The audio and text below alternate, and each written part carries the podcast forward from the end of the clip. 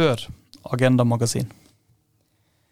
Med Ivar Aasen på Tinder. Jeg heter Trine Østereng og er rådgiver i Tankesmien Agenda. Jeg kommer til å skrive nynorsk fram til ingen hever et øyebryn over at jeg er det lenger. Vi liker alle å passe inn. Det er alltid stress de gangene en merker at en har bomma litt på en sosial kode. Når en møter opp i et selskap litt for overpynta. Når en har brukt litt for lite på ei gave sammenligna med andre. Å snakke Oslo-dialekt og skrive nynorsk gir av og til den samme kjensla av å skille seg ut. En får spørsmål på spørsmål, kommentar på kommentar på hvorfor en skriver nynorsk. Så hvorfor orke? Jeg bestemte meg for å skrive nynorsk i 2005.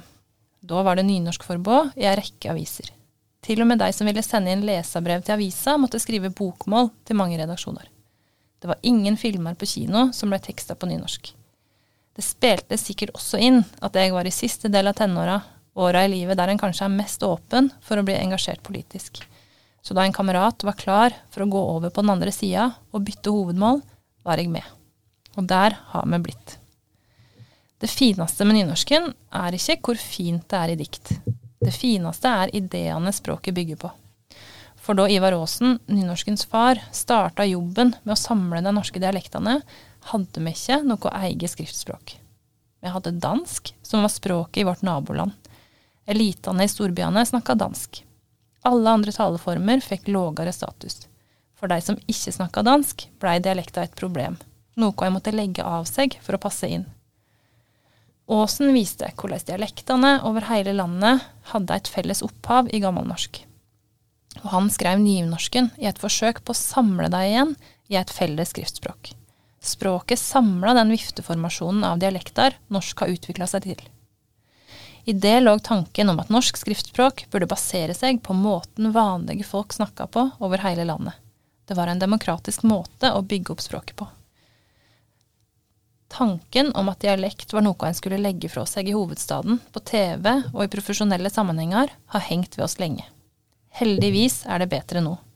Barna som vokser opp i dag, hører langt flere dialekter på TV enn vi gjorde for 30 år siden. Dette kan kanskje virke som en naturlig utvikling, men det har vært et resultat av politisk kamp. Oteren Sven snakker trønderdialekt, rett nok med en veldig rar stemme, på NRK Super fordi noen har orka å mase på NRK om barne-TV på dialekt.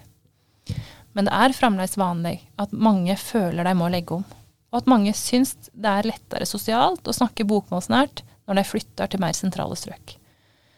Sjøl flytta jeg mye i oppveksten og endte opp med å veksle mellom stavangerdialekt, trønderdialekt og oslodialekt ut ifra hvem jeg var sammen med.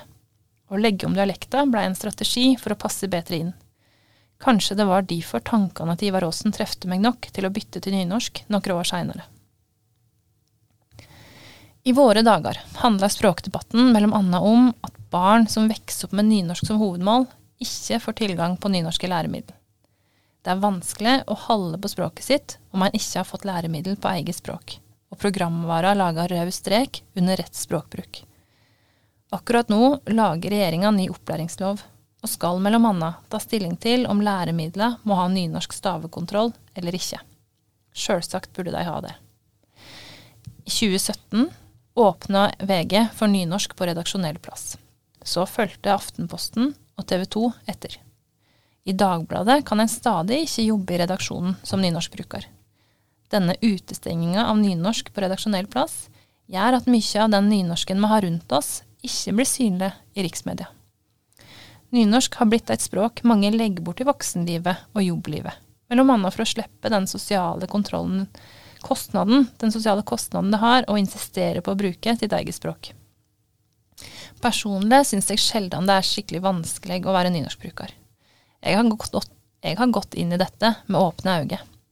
Men det er likevel av og til sosialt stressende, det er stress at ei SMS-utveksling med andre foreldre om dugnad på skolen går over i samtale om hvorfor jeg skriver på nynorsk. Det er stress at noe av det første mine matcher på Tinder spør meg om, er hvorfor jeg ikke bruker bokmål. Det var ikke primært for å fortelle om Ivar Aasen at jeg lagde meg profil der. Og jeg, veit at det sjølsagt ikke er vondt meint at folk spør. Jeg veit at det ofte bare er vennlig nysgjerrighet. Men totalen av spørsmål er så stor at det blir slitsomt. Når noen har spurt deg hundre ganger om hvorfor du er litt annerledes enn andre, er det lett å bli litt kort og sur i svaret. Men sånn er det altså.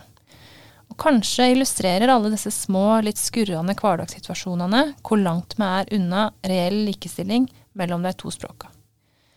Samtidig gjør alt dette sosiale styret meg mer innbitt. Det er fremdeles grunn til å kreve at flere aviser slipper nynorsken til i sine spalter.